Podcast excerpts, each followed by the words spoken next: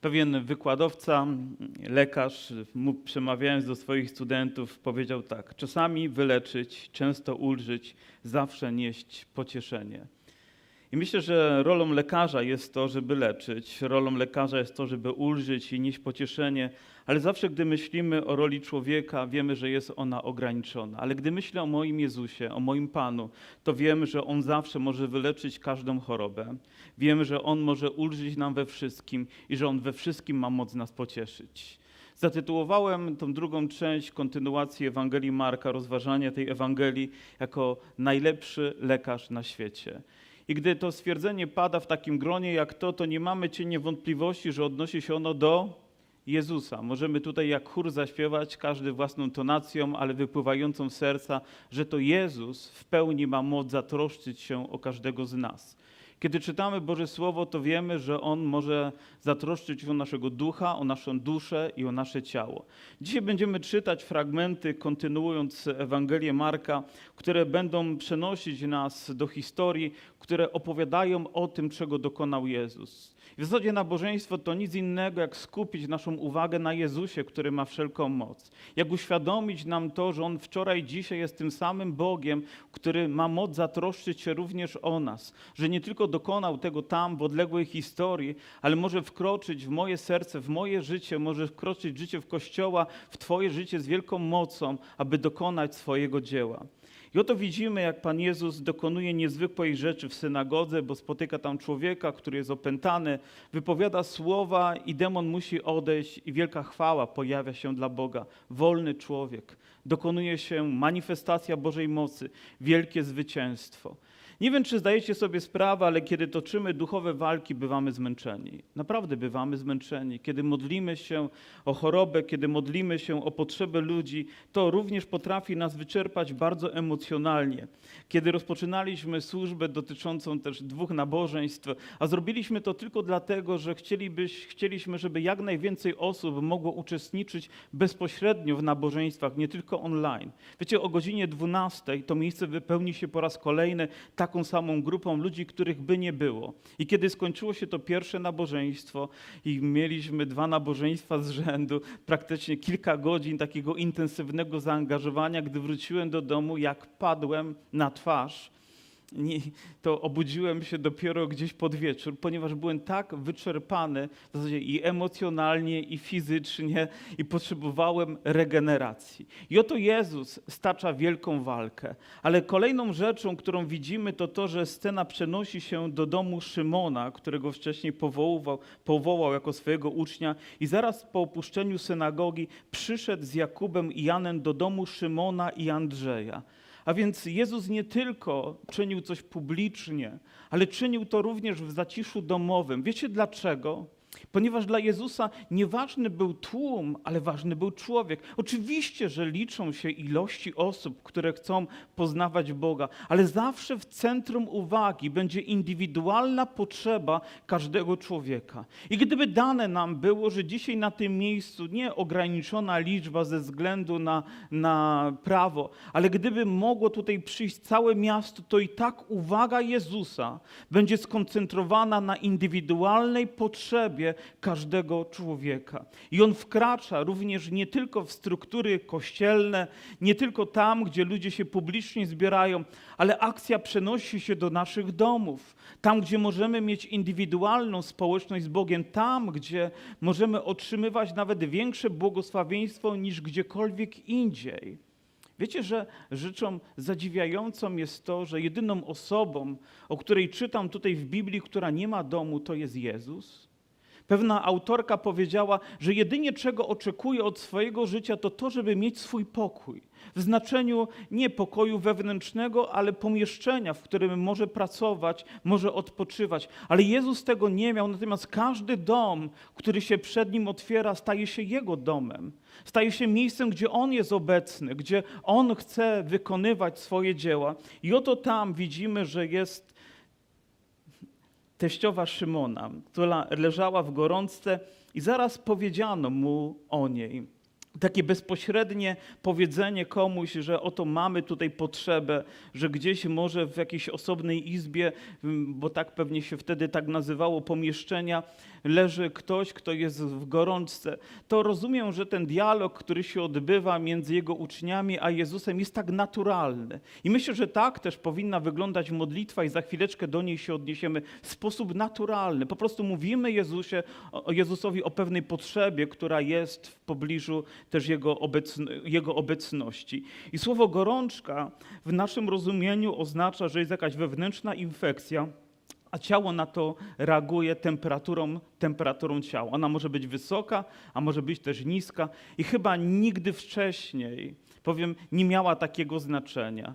Nawet pewnego dnia, gdy wszedłem do, mm, do takiego obiektu, pani wymierzyła we mnie termometr, wycelowała w moje czoło i sprawdziła, czy czasami nie mam podwyższonej temperatury. A gdybym miał nie 36,6, a na przykład 37,6, prawdopodobnie bym tam nie wszedł. Ale nie mówimy tylko o lekkiej, podwyższonej temperaturze, ale o gorączce, która trwa i trwa i trwa. Jest coraz wyższa i wyższa i wyższa i może spowodować, że nasze ciało zareaguje tym, że jest bezsilne. Po prostu położymy się na łóżku, bez względu na to, co się dzieje wewnątrz, temperatura nas rozłoży tak, że nawet ręki nam się nie chce dźwignąć. Każda część naszego ciała boli, każdy mięsień na to reaguje w bolesny sposób. Czy ktoś z Was przechodził przez taką gorączkę? 40 stopni, 39 stopni?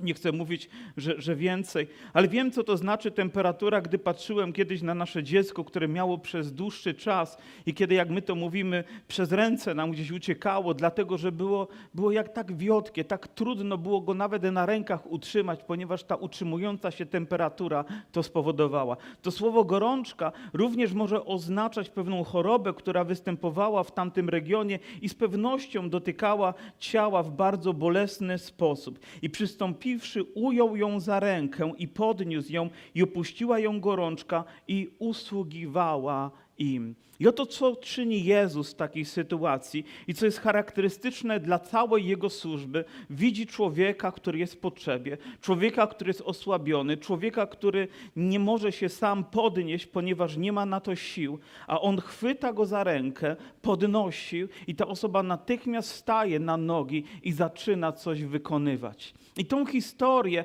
będziemy widzieć w różnych miejscach, w różnych wydaniach. I tą historię widzimy również w życiu Kościoła, gdy Piotr i Jan wstępują do świątyni i widzą człowieka, który jest sparaliżowany. Oni również dokonują to, czego nauczyli się od Jezusa. I myślę, że naszą służbą, naszą misją jest po prostu stawianie ludzi na nogi. Rozumiem, że to jest duchowe znaczenie, że to jest pewna przenośnia odnosząca się słabości, która towarzyszy człowiekowi i Boga, który wyciąga swoją rękę, aby podnieść cię. A więc jeżeli dzisiaj ogarnia nas słabość, jeżeli ogarnia nas jakaś niemoc, to jest lekarz, który wyciąga swoją rękę, by nas podnieść. Amen? I on ma moc tego dokonać bez względu na to, w jakiej sytuacji, jak długotrwałej, jak bardzo bolesnej, rozkładającej nas na łopatki znaleźliśmy się, to wiemy, że On wyciągnie. Czasami zrobi to przez innych ludzi, którzy będą przy nas, którzy pomogą nam,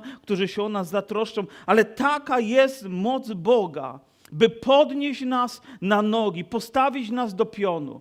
Ale też bardzo zachęcające w tej historii jest to, co zaraz dzieje się w życiu tej kobiety, a ona, gdy tylko gorączka opuściła ją, usługiwała im.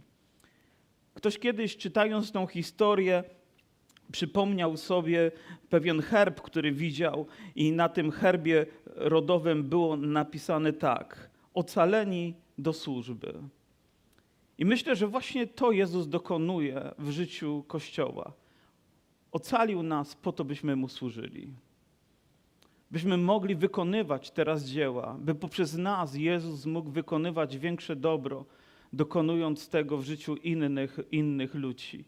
Pamiętam, jak pewnego dnia zaproszono mnie do usługiwania na jednym z obozów. I oczywiście moim pytaniem było, dlaczego w ogóle mam tam jechać, czy w ogóle powinienem to robić, czy mam tam usługiwać, Dzisiaj już nie mam tej wątpliwości. Podczas jednego z tych kazań, które tam wygłosiłem, historia odnosiła się do Samarytanki, która przyszła do studni osłabiona, przygnębiona, powiem zatrwożona, uciekająca przed ludźmi, mająca wewnętrzne konflikty i żyjąca jeszcze do tego w grzechu i spotyka tam Jezusa i mówiąc duchowo, on wyciąga do niej swoją rękę i zaprasza, żeby nie tylko nabrała wody życia do swojego serca, ale zaprasza ją do tego, żeby zaczęła mu służyć, ponieważ mówi tam, że on szuka prawdziwych czcicieli i spotkał tam tą grzeszną, osłabioną, pełną niemocy i konfliktów wewnętrznych kobietę, aby ona zaczęła mu służyć. I z taką myślą zwiastowałem też to słowo, że Bóg nie tylko chce cię podnieść,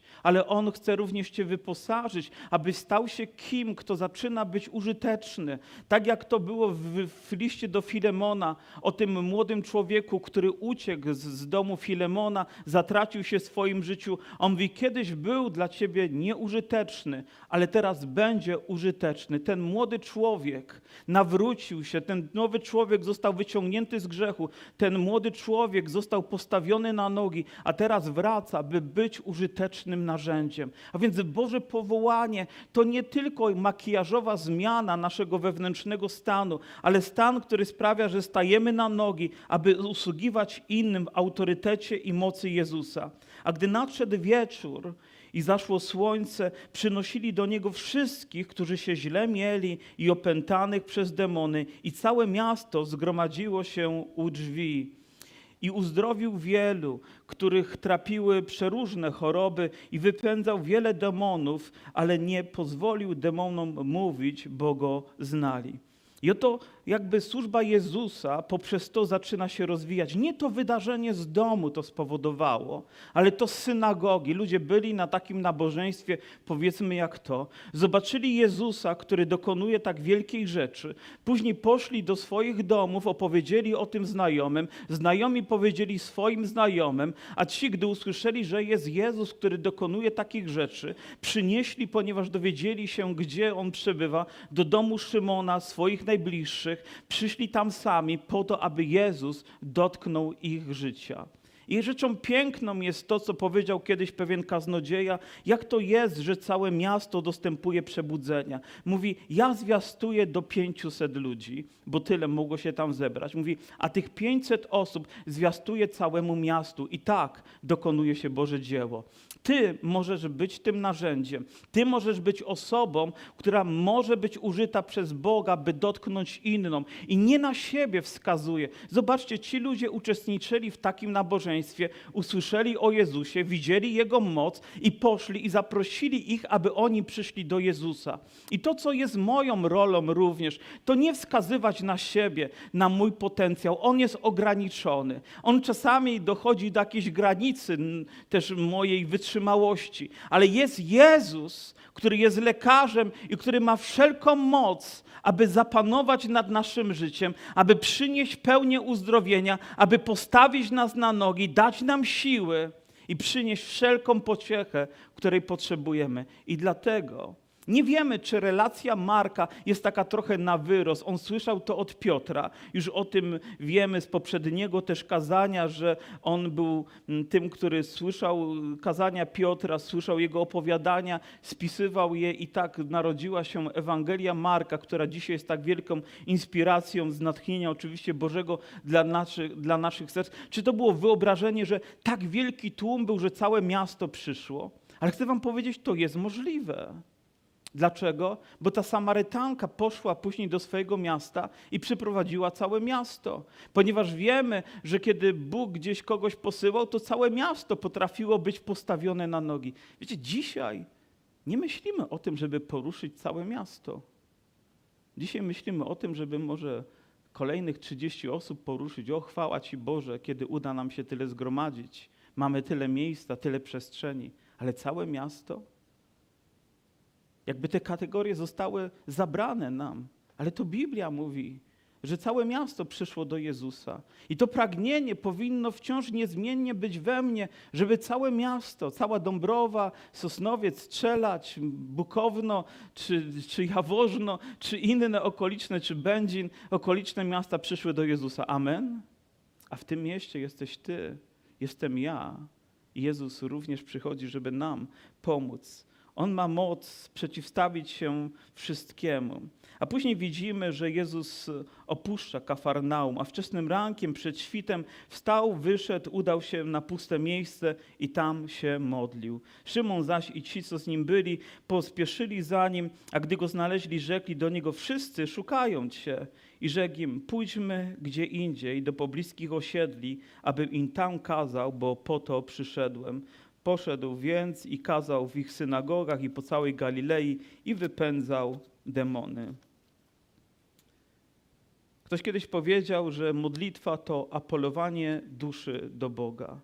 Pan Jezus wiedział, jaką wartość ma modlitwa i wiedział też, że potrzebuje osobistego czasu ze swoim Ojcem, aby później móc powrócić i wykonywać to, do czego został powołany. Jeżeli Jezus to wiedział, to i my powinniśmy o tym pamiętać. Nie ma ważniejszego momentu w naszym codziennym życiu niż czas spędzony na osobistej społeczności z Bogiem. Oczywiście, że modlitwa za nas nie wykona pracy, ale my nie wykonamy pracy bez Bożej mocy w naszym życiu. I niektórzy mówią, o, musimy działać, musimy działać. Ale jeżeli robisz to bez modlitwy, ustaniesz, zatrzymasz się, będziesz rozczarowany, będziesz pokonany, będziesz zniechęcony. To modlitwa sprawia, że możesz powracać niezmiennie do tego miejsca i wykonywać to i czerpać z tego radość i przynosić błogosławieństwo innym osobom. Jedną z podstawowych rzeczy, której nauczyłem się też jako młody wierzący człowiek, zachęcony też innymi osobami, to to, że budząc się rano, powinienem rozpocząć od tego, jak mówimy, westchnienia do Boga, zawołania, poświęcenia należnego czasu i czci Bogu. Ja nie wiedziałem jeszcze, co się wydarzy. Byłem młodym człowiekiem, byłem świeży w wierze, nie miałem zbyt dużego doświadczenia, nie miałem nawet takiego autorytetu, by się przeciwstawiać wszelkiemu złu, ponieważ byłem dość słaby wtedy, dopiero pierwsze kroki stawiałem za Panem Jezusem, ale wiedziałem, że gdy rozpocznę z modlitwą, to ten dzień będzie wyglądać inaczej. Gdzie pewnego dnia przyjechał tutaj pewien brat ze Stanów Zjednoczonych. On nie był mm, pastorem, on był mm, prawnikiem, o, o ile dobrze pamiętam, i, i bardzo dobrze zarabiającym prawnikiem. Opowiadał nam, że każdy dzień rozpoczyna od swojej modlitwy w biurze. Jego praca polegała na tym, że udzielał porad. Te porady były kosztowne. Powiedzmy, o ile dobrze pamiętam, że jego godzina kosztowała około 100 dolarów i wtedy uruchomił się kalkulator. My w tamtych czasach, gdy słyszeliśmy 100 dolarów, to mówiliśmy, tyle to my musimy cały miesiąc pracować, żeby tyle zarobić. A on poświęcał tą godzinę po to, by mieć społeczność z Bogiem. I wiecie, czego się nauczyłem? Jak cenna jest modlitwa. Ona wymaga poświęcenia, ona wymaga zaangażowania. Ale głupotą byłoby rezygnować z czegoś, bez czego my, jako ludzie wierzący, nie będziemy sobie w stanie poradzić. Jezus to czynił. On jest naszym wzorem. My możemy go naśladować. Uczniowie, gdy do niego przyszli, mówią: Panie, wszyscy cię szukają. Jakby brzmi to trochę jak wyrzut. No oni cię szukają, a ty tutaj marnujesz czas na poboczu. Ale żadna chwila spędzona na modlitwę nie będzie zmarnowanym czasem w twoim życiu. Możesz marnować na inne rzeczy, ale ta będzie tak bardzo cenna. Pewnie dlatego jedną z ważniejszych rzeczy, jaką robimy jako Kościół, to to, że spotykamy się też razem na modlitwy w poniedziałkowe wieczory. I nieważne, czy przyjdzie nas pięć osób, czy przychodzi ponad 30 osób, ale jest to czas, który spędzamy z Bogiem, a później przenosimy też to na nasze życie. I wiele razy przychodziłem słaby, ledwo na oparach, bo ponieważ dzień był ciężki, tydzień był trudny, ponieważ wydarzenia jakieś miały miejsce, które no, jakoś zawładnęły moimi myślami i emocjami. Ale kiedy padałem przed Bogiem na kolana, kiedy śpiewałem pieśń uwielbienia i wołałem do Niego w tym osobistym też czasie,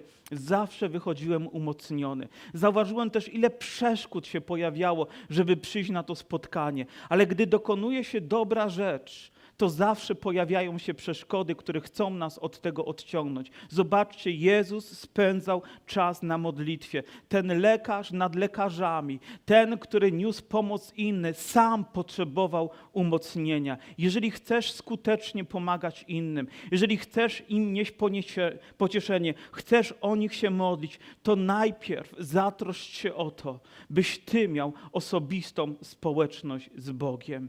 Ponieważ jeżeli to stracimy, wszystko zaczyna się degradować. A później widzimy kolejną niezwykłą rzecz. Widzimy naszego lekarza ponad lekarzami, do którego przychodzi szczególny człowiek i przyszedł do niego i to jest to określenie trendowaty z prośbą i upadł na kolana i rzekł do niego: Jeżeli chcesz, możesz mnie oczyścić. I oczywiście, gdy słyszymy słowo trendowaty, to jakbyśmy gdzieś historię z przeszłości czytali. Ale nawet dzisiaj setki tysięcy ludzi, jak nie więcej, choruje na trąd. On charakteryzuje się tym, że ma ponoć dwie przynajmniej postacie. Jedno to taka bardzo zewnętrzna, gdzie natychmiast widać, że pojawiają się jakieś guzy, rozpoczynają się najprawdopodobniej gdzieś na plecach, później one zaczynają ropieć, zaczynają być z tego bardzo wile pachnące wysięki. I później na całym ciele dotykają twarzy, dotykają warg, dotykają nosa, i ciało w ciągu kilku lat zaczyna się po prostu rozpadać. Powiem, to co widzimy, to horror. Zaczyna się to nie podobać tylko innym, ale my sami, gdybyśmy zobaczyli swoje oblicze, jesteśmy przerażeni. I nawet patrząc na takich ludzi, chętnie byśmy się od nich dystansowali. I tak było również w zakonie, że on nakazywał, aby tacy ludzie zostali odizolowani. Oto kapłani stwierdzili: Jesteś trendowaty, to znaczy jesteś nieczysty, będziesz żył poza miastem. Jeżeli będziesz się zbliżał, to będziesz krzyczał: Jestem nieczysty, jestem nieczystym. Nie masz prawa zbliżyć się do kogokolwiek. On nie miał prawa zbliżyć się do Jezusa. Ale to, co było potrzebą jego serca, to, co było potrzebą jego ciała, było większe niż ograniczenia, które się pojawiły. Czy to nie brzmi wam znajomo?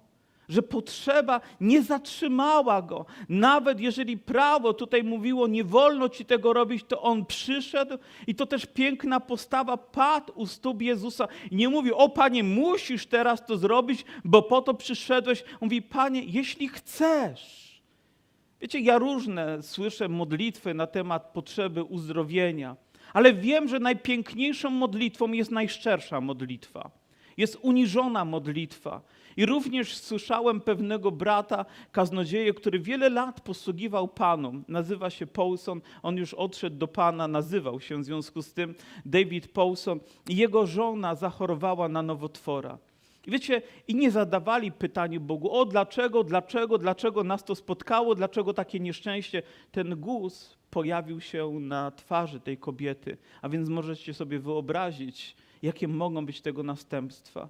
Została poddana oczywiście jakiemuś zabiegowi, wrócili do domu, padli na kolana i zaczęli wielbić Boga. Mówią, Panie, Ty możesz wszystko uczynić. Jeśli chcesz, to możesz również uzdrowić nas, możesz uzdrowić moją żonę. I z płaczem wylali swoje serce przed Panem. Kiedy wrócili do lekarza i zdjęli opatrunek, nie było nic. Nie było guza, nie było nowotworu. Panie, jeśli chcesz, możesz tego dokonać. Ale też niezwykłe w tej historii jest to, co czyni Jezus. A Jezus, zdjęty litością, wyciągnął rękę swoją, dotknął się go i rzekł: Chcę, bądź oczyszczony.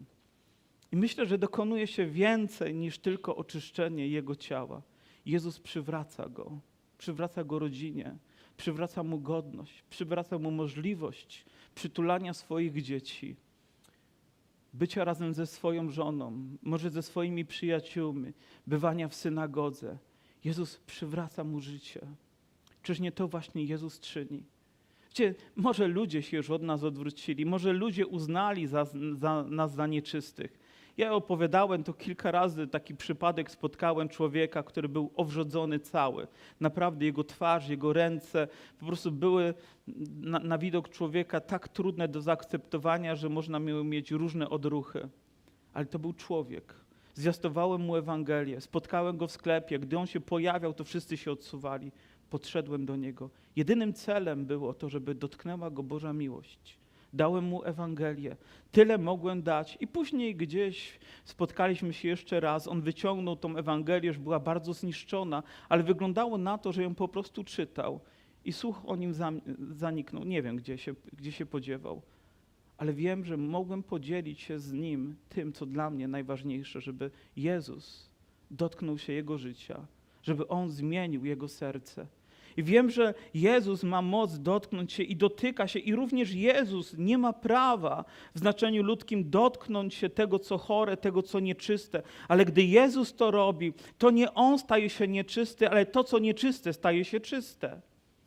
Czyż nie tak Jezus zwycięża nad grzechem? To nie grzech zawładnął Jezusem, ale Jezus zwyciężył grzech. I myślę, że taki autorytet daje nam, gdy my idziemy, aby służyć. Nie grzech ma nas owładnąć, ale my dotykając się ludzi z miłością, mamy czynić to, żeby oni przyszli do Jezusa, żeby oni zostali odbudowani, żeby życie mogło do nich powrócić. Ale ten dotyk, nie wiem ile trwała ta chwila, gdy Jezus wyciąga swoją rękę i ona zbliża się do tego człowieka, ale gdy go dotyka, dzieje się coś niezwykłego. Ja nie wiem, gdzie dotknęła ciebie Boża ręka, w jakiejś byłeś sytuacji, może gdzieś byłeś w chorobie, może byłeś w potrzebie, może byłeś w sytuacji, gdzie wszyscy się od ciebie odwrócili, a nawet ty sam miałeś obrzydzenie myśląc o tobie. Może myślałeś, że jesteś niekochany i nikomu na tobie nie zależy, ale przyszedł Jezus, który stanął przy tobie, powiedział: Widzę cię, moje dziecko, znam twoją potrzebę i choćby wszyscy się od ciebie odwrócili, nawet ojciec i matka i dzieci nie chciały do ciebie zadzwonić, to ja dotknę się twojego życia i ja je przemienię, bo tak działa Boża miłość. Może byłeś już na skraju wycieńczenia i nie miałeś nadziei, ponieważ nikt nie był ci w stanie pomóc, ale jest lekarz, który nas leczy, jest ten, który nas uzdrawia, jest ten, który nas podnosi, Jezus Chrystus. I to piękne, co On czyni gdy dotyka tak głęboko, że nie mamy cienia wątpliwości, że wywołuje to jak, jak, jak trzęsienie ziemi w naszym sercu, mówiące tylko o jednym: Bóg Cię kocha, Jemu na Tobie zależy. On nie odwraca swojej uwagi od Ciebie, On Cię podnosi. I zagroził mu oczywiście, żeby szedł i nikomu o tym nie mówił, ale poszedł i powiedział wszystkim, których napotkał, Także Jezus nawet nie mógł wejść do miasta z powodu tłumów. Hmm. Nie mógł wejść do miasta z powodu tłumów. Piękny obraz. Lubię to słowo tłumy, ale zastanawiam się, jak wielu z nich przyszło tak naprawdę dla Jezusa. Czy tylko po to, żeby Jezus czegoś dokonał w ich życiu? Jak wielu z nich przyszło, żeby spotkać Zbawcę? Spotkać Mesjasza, spotkać Boga w ciele i po prostu spotkać Jego. A gdy tylko ta potrzeba została zaspokojona, odchodzili i żyli swoim życiem. Jak wielu z nich powracało, by powiedzieć: Dziękujemy, chcemy z Tobą żyć, chcemy być dla Ciebie. Więc tłumy, o ile mnie cieszą, to nie imponują mi. Imponują mi indywidualni ludzie, którzy mają odwagę iść całym sercem za Jezusem, bez względu na wszystko. A później jeszcze jedna historia, mamy jeszcze tylko kilka minut na to, żeby ją streścić. Uzdrowienie sparaliżowanego. Ale Ewangelia Marka jest długa, a ja nie chcę wprowadzać was w wieczność, a, ale chcę, żebyśmy jak najwięcej treści mogli z niej wyciągnąć. I znowu po kilku dniach przyszedł do Kafarnału i słyszano, że jest w domu. I zeszło się wielu, tak iż się przed drzwiami już mieścić nie mogli, a on głosił im słowo. I przyszli do niego, niosąc paralityka, a dźwigało go czterech. A gdy z powodu tłumu nie mogli do niego się zbliżyć, zdjęli dach nad miejscem, gdzie był, a przez otwór spuścili łoże, na którym leżał paralityk, a Jezus, ujrzawszy wiarę ich, rzekł paralitkowi, synu, odpuszczone są grzechy Twoje.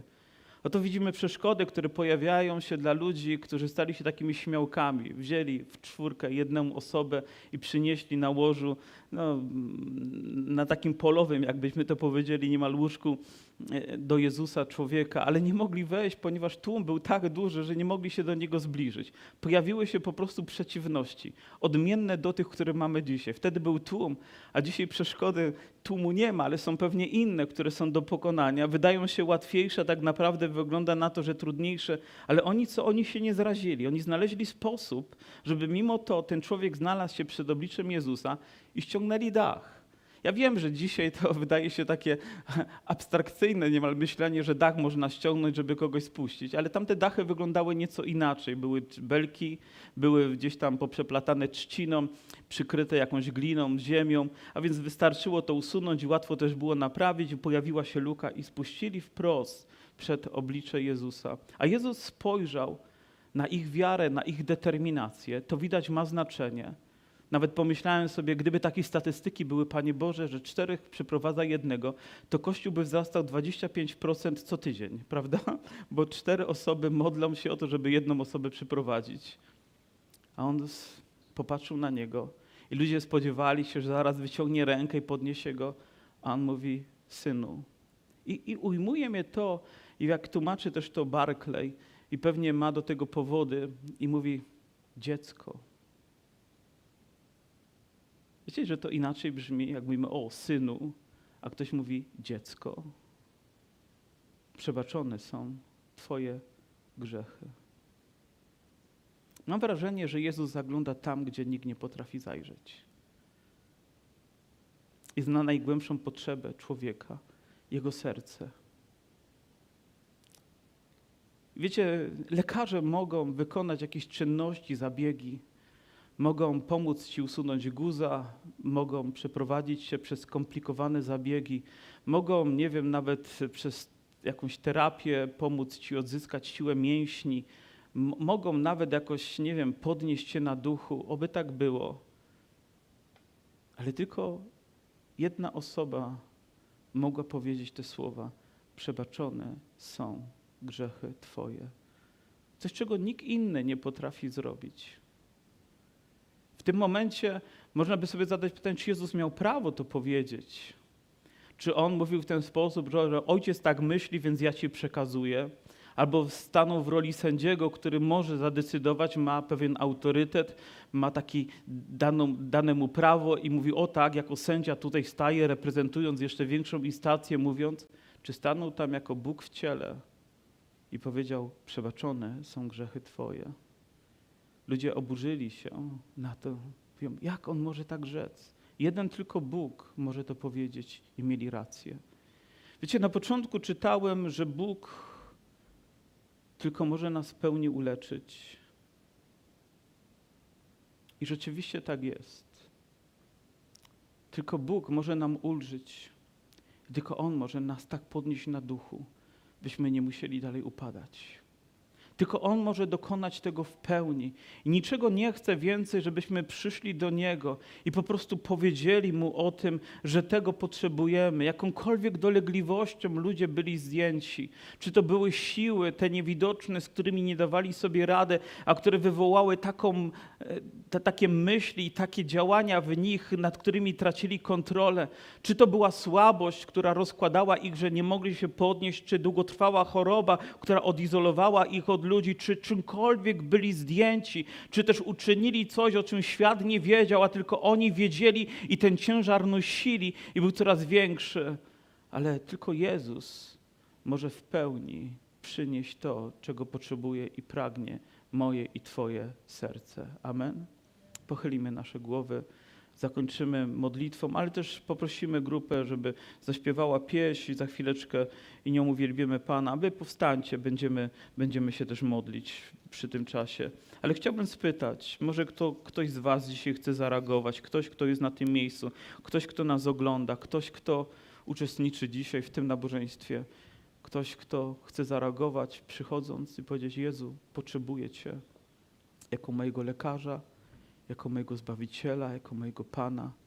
Przychodzę do Ciebie nie dlatego, że tłum przychodzi, nie dlatego, że ktoś to robi, ale dlatego, że taka jest potrzeba mojego serca. Pochylmy głowy.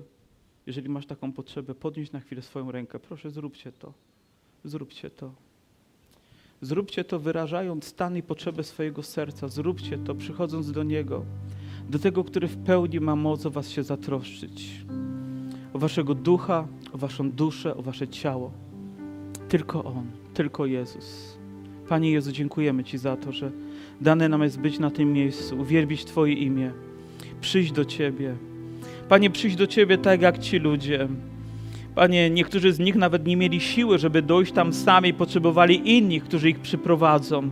I Panie, tak przyprowadziła mnie do Ciebie też modlitwa tych, którzy mnie kochali i o mnie się troszczyli. Panie, tak padłem przed Tobą. Och, Panie, bezsilny w moim życiu. Panie, otworzyłem moje serce, a Ty dokonałeś cudu.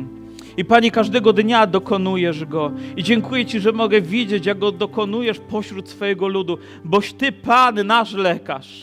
Panie, gdy słuchamy Twojego słowa, gdy okazujemy Mu szczere posłuszeństwo, nie ma dla Ciebie rzeczy niemożliwych, bo Ty jesteś Pan, nasz lekarz. I ogłaszamy Twoje uzdrowienie, Panie, Twoje odnowienie, Panie, Twoje uwolnienie, Twoje przebaczenie, Panie, nad naszym życiem. Dziękujemy Ci za ten święty dotyk naszego serca, który przynosi nam wszelkie błogosławieństwo. Amen. Amen. Amen.